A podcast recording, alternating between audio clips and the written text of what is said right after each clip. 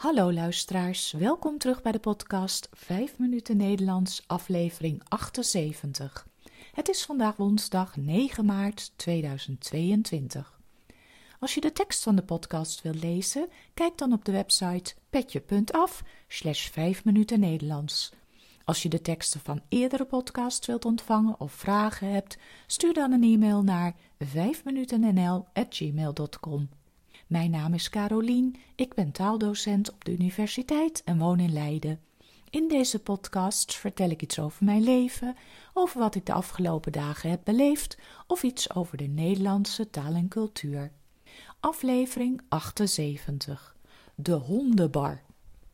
Terwijl de hele wereld met angst en beven toekijkt hoe het verder gaat met de oorlog in de Oekraïne, gebeuren er gelukkig ook nog positieve dingen. Zo was er in Nederland afgelopen maandag een actie op radio en tv om geld in te zamelen voor de Oekraïne. Er waren allerlei ludieke acties. Zo was er een tattoo-shop waar je een vredesduif kon laten tatoeëren en de opbrengst ging naar de actie.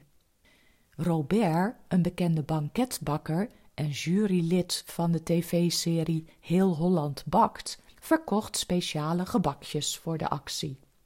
In totaal is meer dan 106 miljoen euro opgehaald. Een prachtig bedrag. Vandaag in de podcast een wat luchtiger onderwerp. Het was de afgelopen week prachtig weer in Nederland. S'nachts vroor het een beetje en overdag scheen de zon volop, waardoor het al een beetje lenteachtig aanvoelde. De vogels zijn weer aan het fluiten en de krokussen staan volop in bloei. Prachtig om te zien en natuurlijk ook heerlijk om erop uit te gaan. Paul en ik waren het weekend even naar het strand gegaan om lekker uit te waaien. Na de wandeling hadden we zin in een kop koffie, dus gingen we naar de enige strandtent die al open was. Omdat de strandtenten van hout zijn en op het strand staan, worden ze in de herfst afgebroken, zo mid-oktober, en na de winter worden ze weer opgebouwd en gaan ze open. In Wassenaar staan er in de zomer altijd vier strandtenten op het strand. Eentje was vorige week open gegaan, maar twee andere hadden behoorlijke schade opgelopen in de storm van twee weken geleden, dus die waren nog aan het opbouwen en herstellen. We vonden een lekker plekje uit de wind en in de zon. Ik keek om me heen en zag heel veel mensen met honden. Honden en katten zijn populaire huisdieren. In coronatijd was er zelfs een enorme toename in de vraag naar honden en katten. Deze mensen op het terras hadden blijkbaar hun hond lekker aan het strand uitgelaten en gingen ook een kopje koffie drinken. De mensen aan het tafeltje naast ons hadden een hele leuke terrier. De man schoot een serveerster aan en vroeg haar: Hebben jullie misschien een bakje water voor onze hond?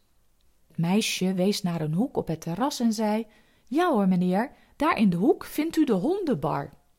Paul en ik schoten in de lach. Een hondenbar, daar hadden we nog nooit van gehoord. In een hoekje op het terras stond een tafel met een hele stapel ijzeren bakken en er was een kraan. Daar kon je dus zelf een bak pakken voor de hond, deze met water vullen en meenemen naar je tafeltje op het terras, zodat je hond kon drinken. Super geregeld. Maar het kan nog gekker. Toen we een aantal jaren geleden op vakantie waren in Amerika, zaten we in een hotel in de buurt van San Francisco, waar ze zelfs een aparte menukaart hadden voor de hond. Je kon allerlei hapjes voor je hond bestellen en zelfs een hondenbiertje. En op de hotelkamer kon je een placemat met een voerbak laten neerzetten. Uiteraard met logo van het hotel. Wij hebben er op de terugreis nog erg om moeten lachen. Dit was het weer voor vandaag. Veel dank voor het luisteren. Ik wens jullie een hele fijne week met hopelijk veel zonneschijn en tot de volgende keer. En als je een hond hebt, geef hem dan maar een knuffel van mij. Dag!